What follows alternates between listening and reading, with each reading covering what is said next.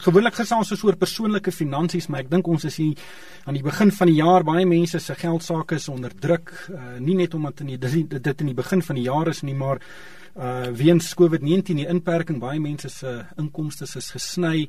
En gewoonlik as ons gesels oor begrotings, dan kyk ons na mense se uitgawes, hulle kostes en ons gesels oor interessante idees om sente om te draai en hierdie kostes te sny.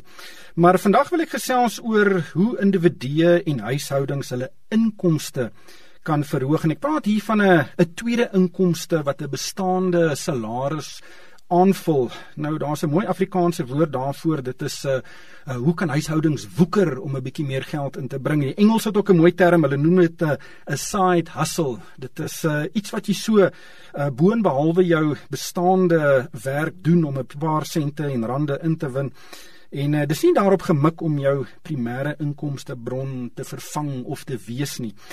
Nou dit strek van taamlik eenvoudige inisiatiewe soos om koekies te bak en by die werk en die skool te verkoop uh, of die uithuur van 'n kamer of 'n woonstel en uh, tot bietjie meer ingewikkelde goed soos om vryskut konsultasiewerk te doen en dan ook die koop en verkoop van produkte op veilinge en deur die internet. Uh, mens kan baie innoverende inisiatiewe van stapel stuur en uh, ek gaan vandag gesels met Divan Botha. Hy's 'n bekende entrepreneur. Hy besit 'n hele paar restaurante Hy het nou net vir my gesê hy was 8 jaar oud toe hy sy eerste besigheid begin het en uh, ons gaan 'n bietjie met hom gesels oor hoe hy dink iemand moet uh, so 'n tweede inkomste bron of 'n entrepreneursiese inisiatief benader om 'n salaris of 'n inkomste aan te vul. Divan baie welkom by die program. Jy's 'n entrepreneur, jy het al jou merk gemaak. Uh, jy kyk met 'n bril na enige geleentheid 'n entrepreneursbril om te sien watter geleenthede is daar en hoe kan jy munt slaan daaruit? Uh buite jou amptelike restaurante en ander besighede wat jy besit, woeker jy ook so 'n bietjie aan die kant?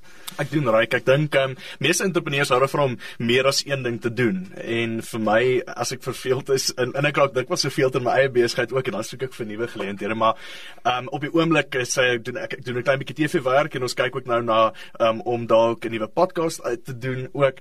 En ek dink vir my was dit altyd om te sê ehm um, wat is my huidige vaardighede en hoe maak ek geld uit my huidige vaardighede uit? En ek dink dis dit kos die vraag wat mense vra, maar waar begin ek? En die ideale scenario is natuurlik dat ek 'n side hustle of 'n kantwoeker doen, ehm um, waar ek my huidige vaardighede en kennis kan gebruik. Dis dis dit is dikwels punt 1.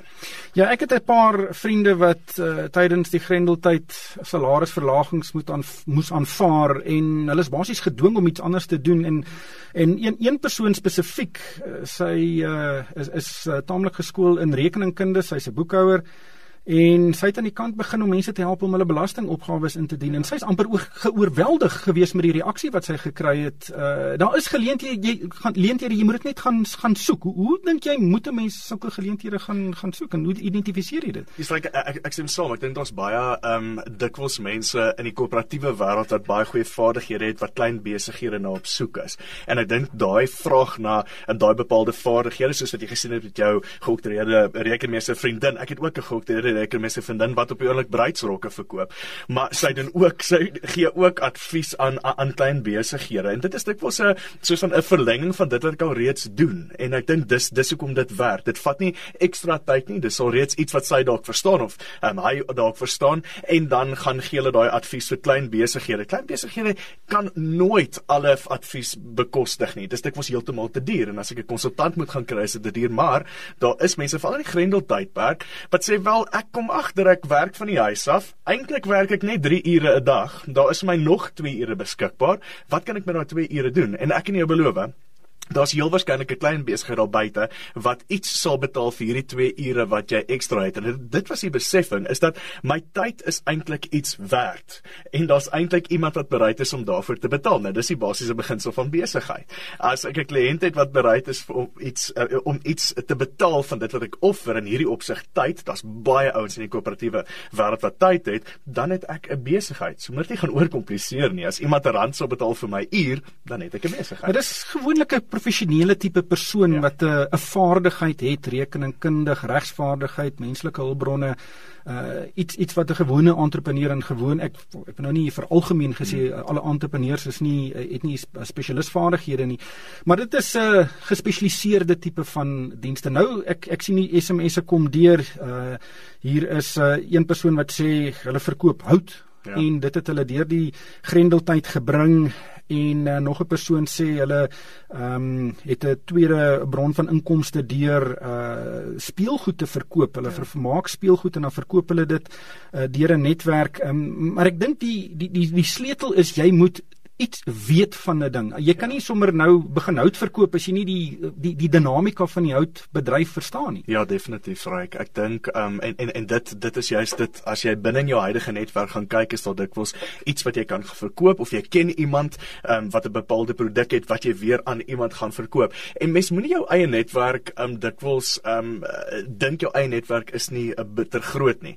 Um sodra jy vir mense gaan begin vra, het jy 'n behoefte aan 'n bepaalde produk, dan gaan jy sien ons 3 of 4 mense binne in jou netwerk wat eintlik daai bepaalde produk um, gaan soek. So verseker jou netwerk het definitief waarde. Gemaak jou selfoon op en kyk hoeveel mense is daar in in in in, in jou kontakboek. Daar's waarskynlik 2 300 mense. Iemand van hulle soek hout. Dis wat daai ou besef het. Hy het gesê daar's hy het iemand wat hout het en hy het iemand wat hout soek en hy dood eenvoudig net hierdie twee mense aan mekaar gaan verbind. Jy hoef nie die hout te maak nie. Jy kan net dikwels twee mense aan mekaar verbind en dan het jy eintlik ehm, 'n um, produk. So eintlik makliker as wat mense dink.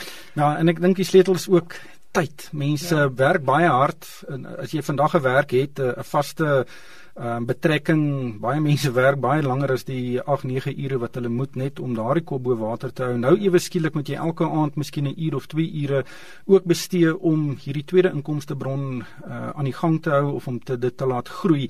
So tydbestuur dink ek is hier van van kritieke belang. Uh, ja. Het jy enige raad oor hoe jy mense jou jou tyd moet bestuur? Ek ek dink uh, ryke mense moet begin om te besef dat elke uur um, kos jou iets. Dis belangrik. So elke uur of kos my iets of elke uur gee vir my die geleentheid om geld te maak. Mense um um koppel nie tyd dikwels aan waarde nie. En ek dink dit is die fout wat ons maak. Dit was my vraag vir 2021. Is ek het nie vir myself en sê wat wil ek in 2021 doen nie. Ek het vir myself gesê wat wil ek met 365 dae doen. So ek het waarde gaan heg aan 'n bepaalde dag. Nou sê ek aan die einde van die dag het ek genoeg met daai dag gedoen. En ek dink dit is waarna mense moet gaan kyk. Hoeveel ure het ek in 'n dag? En jy gaan dikwels agterkom jy dalk meer of jy dalk 'n bietjie minder tyd, maar daar's waarde aan jou tyd. Gaan besluit wat is wat wat is dit wat ek met hierdie 2 of 3 ure wil in my dag gaan doen. Ja. Hier's een persoon wat sê ek bestuur 'n Uber taxi voorwerk tydens my middagete uur ja. en ook na werk. Hmm. En en weer eens dit is tyd en en en Uber is seker nou 'n ekstreme voorbeeld. Ehm um, dis amper 'n tweede werk wat jy moet doen, uh, maar mense moet in baie gevalle is geforseer ja. om dit te doen. Verseker ek ek ek kom uit 'n familie van wat mense wat saai daar, so ek dink my ma het ons drie seuns deur die universiteit gekry deur koekies te bak. En ehm um, as 'n mens bereid is om om om te werk en ure in te sit, dan kan jy ongelooflik baie doen. Dit gaan dit gaan oor 'n uh, commitment en ek dink dit is wat mense dikwels voor te bang is. Ek sê vir mense hulle net begin, begin net. En en en dikwels dink mense die risiko aan hierdie goed is um, besonder baie. Dikwels is dit min tot niks. Ek sê nie gaan maak 'n restaurant oop vir 2.5 miljoen rand nie, maar om te sê ek kan 'n besigheid begin met 2 of 3000 rand en dis dikwels wat dit vat. Begin net. Wat is die risiko? 3000 rand. Ja, en en ek dink die die die fokus moet wees dit gaan nie jou permanente werk Precies. vervang nie. Ehm um, en in uh, die SMS'e kom in. Ehm um, hier is 'n persoon wat pannekoeke bak ja. en en 'n goeie lewe daai het maak uh, melktert en uh beskuit wat gebak word en en ek dink as iemand nou hierna luister en en wil begin, miskien soos jy sê, begin net gaan bak jou eerste melktert ja. en verkoop jou eerste melktert. Dis die belangrikste ding en kry jou eerste kliënt en, en kyk of dit hoe ja. maklik of moeilik dit is. Ryk die dag wat jy die eerste iemand jou die eerste R100 betaal vir 'n diens wat jy gelewer het of 'n produk wat jy verkoop het, dink ek um dit word verslawend en ek dink dit is wat mense net moet doen. Want as ek nie iets probeer nie, weet ek nie hoe dit proe nie en dis entrepreneurskap. Uh, sodra en ek sê dit vir almal, mense sê ja, maar ek kan nie 'n entrepreneur wees nie. Hoe weet jy as jy dit nie probeer nie? En die vreemdste mense het al uitstekende entrepreneurs geword. Want dit wil sê mense nie ek's of 'n entrepreneur gebore of ek's nie. Ek dink dis totale bog.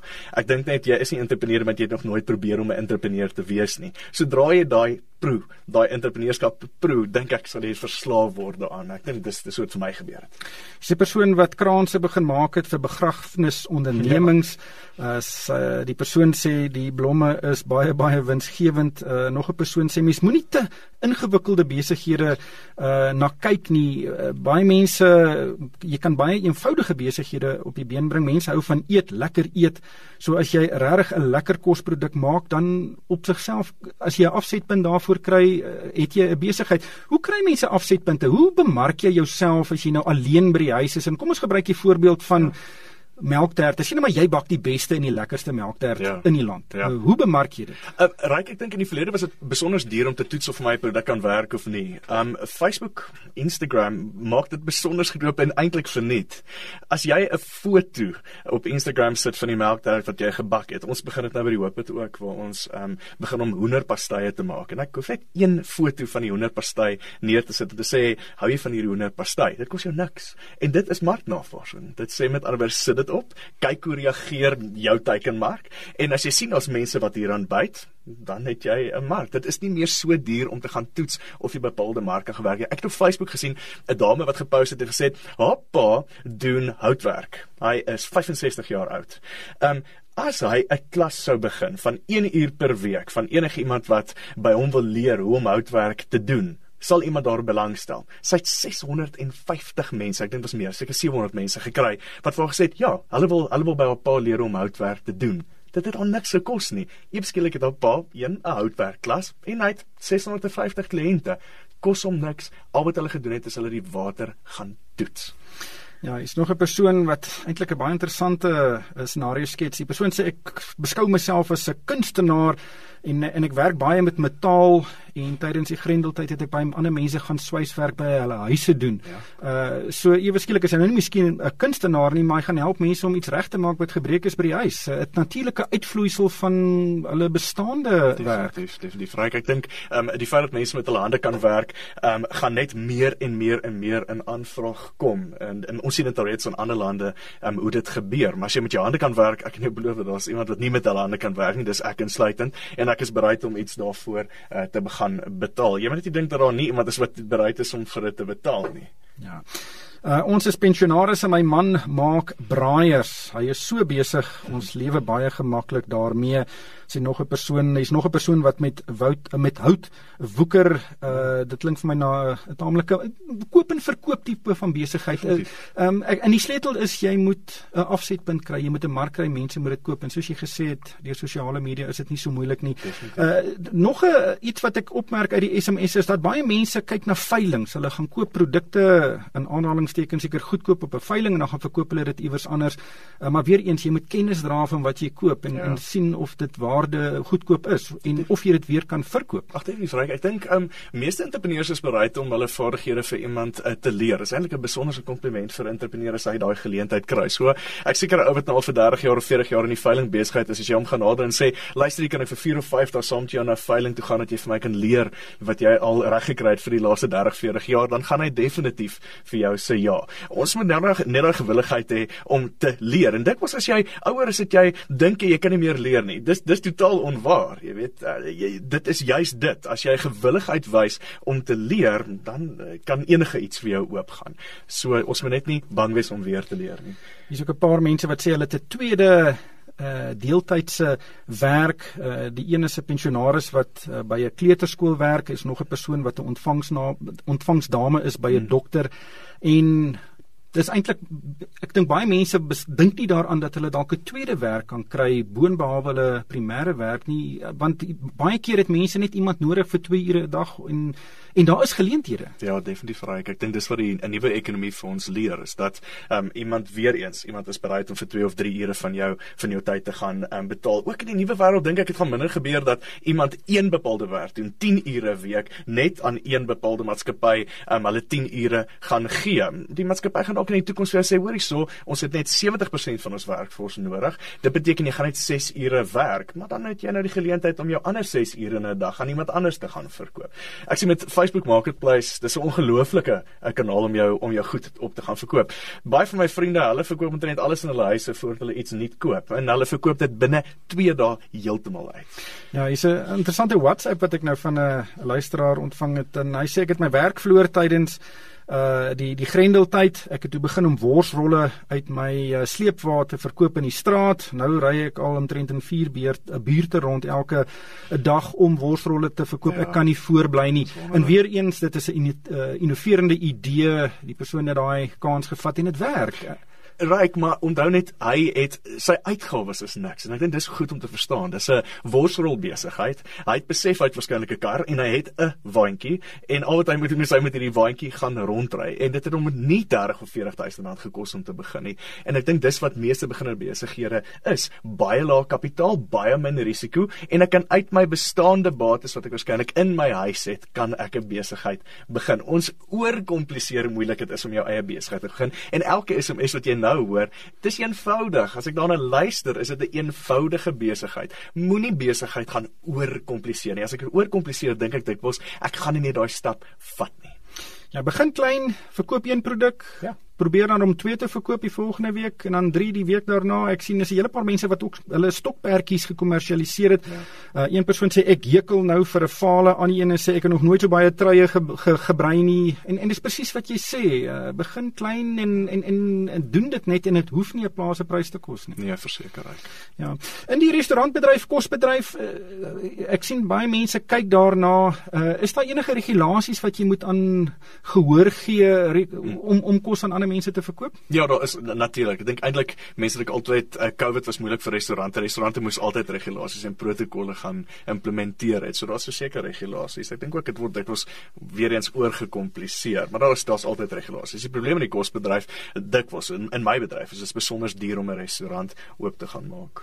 Nou, ek dink baie mense ook uh, die die aptyd vir risiko waarna jy vroeër verwys het is is is as as jy 'n vaste werk het en elke aan die einde van elke maand kry jy nou maar jou jou cheque of die inbetaling in jou bankrekening, dit is voorspelbaar. Ja. Uh om 'n entrepreneur te wees of om so iets aan die kant te doen is nie altyd so voorspelbaar nie. Mense uh, is nogal bang daarvoor. Nog 'n SMS uh, wat my oog vang is dat uh, mense sê ons het 'n woonstel begin uit hier. Ons uh, bly in 'n deel van Johannesburg wat nie die aanhalingstekens die mooiste is nie maar ons is verstom oor hoeveel mense graag daar wil bly. Definitief reg. Ja, dis weer eens dis 'n huidige bate wat hulle alreeds het waarvoor hulle alreeds betaal wat hulle net besluit kan ek nie uit daai huidige bate met geen risiko, geen ekstra kapitaal kan ek dit net uitgaan vier nie. Dit kom neer op die eenvoudigheid van besigheid. Julle paar mense sê ook dit werk om deur Facebook en Instagram te adverteer. Uh, neem mooi foto's en uh mooi produkte kan soos 'n veldbrand versprei. Ja. Um, en ek het nog altyd gesê uh, uh, suksesvolle entrepreneur met 'n paar dinge kan doen, maar wat hulle regtig goed in moet wees is om te verkoop. Verseker. En uh en in die sosiale media het dit re relatief goedkoop gemaak om by 'n klomp mense uit te kom. Definitief. Ek, ek uh, op daai punt, ek het uh ek het uh, vir Desember afgetoer af Kaap toe. En ek moet eerlik wees wat Suid-Afrikaners nog net moet leer val in die toerismebedryf is om beter foto's te neem van die plekke waar mense moontlik kan bly. As jou medium 'n visuele medium is en al wat ek het om te besluit tussen jou gastehuis en die ander ou se gastehuis is 'n baie mooi foto neem dan net 'n baie mooi foto. En ek dink dis wat Facebook en Instagram doen. Is jy moet net mooi foto's kan neem om op een of ander manier te te kan uitstaan. Uh môre, my naam is Susan. Ek het begin om alterasies te doen aan klere deur dit groter en kleiner te maak en uh weer eens as 'n eenvoudige ding, baie mense sit met uh broeke en hemde waarvan die die ritsluiters uh, nie meer werk nie of die knope is af en hulle kan dit self nie regmaak nie. Weer eens 'n goeie idee. Ek verkoop donuts en nog 'n persoon Corrie uit Natal sê of KwaZulu-Natal sê uh ehm um, uh hy of sy kan nie voorbly met vye konfyt, appelkoos konfyt en perske bladjang nie jy water in my mond omtrent nou. Ehm um, en en weer eens mense maak 'n plan en ek dink uh mense moet ook nie altyd dink jy moet uit nood uit 'n plan maak nie. Mense kan proaktief wees om bietjie die die, die beursie voller te maak ja. en weet die lewe is hard. Mense kan nou en dan homself 'n bietjie ja. gaan uit eet en so. Ja, definitief. Ja. Ek dink interessante deel is ook um, iemand wat sê hulle maak besonderse lekker perskoek konfyt. Ek dink die hele wêreld en mense sien dit in, in Europa ook is besig om terug te beweeg na enigiets wat handgemaak is en baie tyd saamvat om te maak. En reg mense besonder baie waarde daarin. So dit wil sê mense maar my ouma het 'n baie lekker vye konfyt gemaak. Gaan vind uit hoe ouma daai vye konfyt gemaak en en vertel mense van die storie agter hierdie vye konfyt en hoeveel ure in elke botteltjie ingaan en dan ewe skielik verkoop jy 'n produk wat jou R30 dalk voor kan verkoop, verkoop jy ewe skielik R60 voor, want daar's 'n storie agter hierdie produk. En as jy vir elke ou vra, "Wat is die storie agter jou produk?" Um, dan kan meeste ouens jou iets gaan vertel en dis daai storie waarna mense gaan inkoop. En dis die verskil tussen 'n R30 produk en 'n R60 produk. Ek hou altyd daarvan as ek 'n produk koop en in die storie staan daarop. Hmm. Ek het uh, daar's 'n hele paar wynbottels wat die storie op het.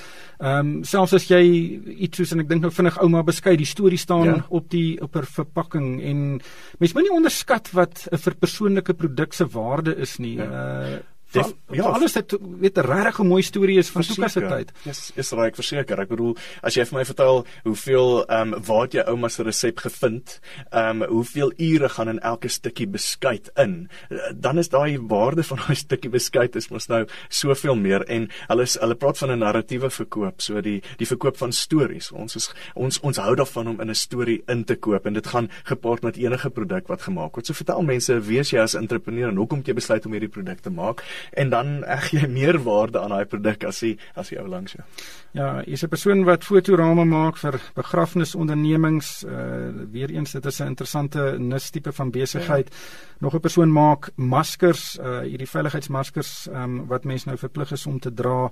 En uh Dan is hier 'n hele paar navrae oor belasting. Ehm um, hoe dink jy moet mense dit nou uh weet struktureer? Moet jy dit in 'n aparte besigheid doen of is dit maar hier aan die kant in kontant? Ek ek ek, ek, ek, kan nie alles antwoord op daai of daai nie, maar ek ek dink definitief die die probleem is dit was ek begin nie want is, ja, ek maak dit so kompleks van die begin af. So as jy vye verkoop, verkoop dit in jou eie naam. Ehm um, en ehm um, as jy geld in jou bankrekening gaan wonderlik gaan dit in jou persoonlike bankrekening in. Jy moet eers na 'n miljoen rand of dink sy 1.2 miljoen rand moet jy registreer vir um, BTW. Moenie die besigheid kompliseer voor dit nodig is om hom te kompliseer nie. As jy dit hou as 'n eenman saak en jy maak 20, 30000 rand daaruit, hou dit so. Moenie die besigheid gaan kompliseer voor dit nodig is om hom te gaan kompliseer nie.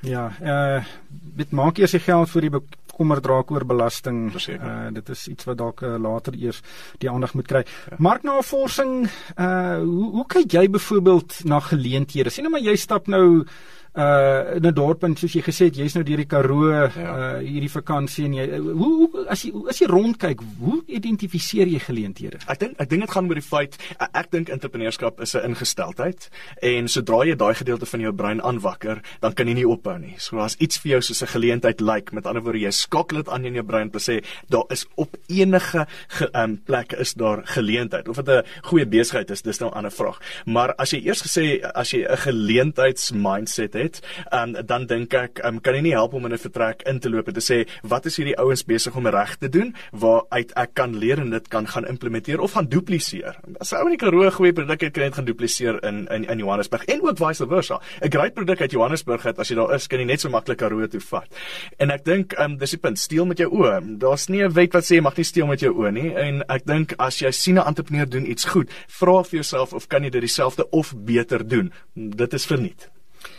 Nog 'n persoon sê wat belangrik is van 'n side hustle is om dit te geniet. Oh, Moet ja. dit nie jou hele lewe laat oorneem nie. Seker. Ja. Ja, daai daai daai is daai natuurlik die ideale scenario is waar enige woeker of enige besigheid gekombineer word met jou passie. Dit is nie altyd moontlik nie, maar as jy dit kan regkry, dan is dit wonderlik. Ons bak brode, beskuit en alle gebak in buiteoonde sê Andrina uit Lichtenburg en uh nog 'n hele paar mense wat bak en brou. Hmm. Maar is baie duidelik, ek het uh ons het hierdie program op Dinsdae aan en hier is 'n oorvloed SMS'e wat deurgekom het en dit wys jou baie mense stel daaraan belang en En as jy bang is vir risiko, miskien begin klein soos jy gesê het en miskien word jy aangenaam verras, maar Divan, dankie vir jou tyd uh vandag. Uh werklike interessante gesprek en uh alle sterkte met jou besighede en jou gewoeker om uh, die pot in die kook te hou. Dit was Divan Botha. Hy is onder meer die uh, eienaar van die Hoopet restaurant daar in Linden. Luisteraars is welkom om vir my 'n e-pos te stuur. My adres is ryk@moneyweb.co.za. En daarmee moet ons groet. Ek hoop mal ek hoop almal het 'n lekker dag verder.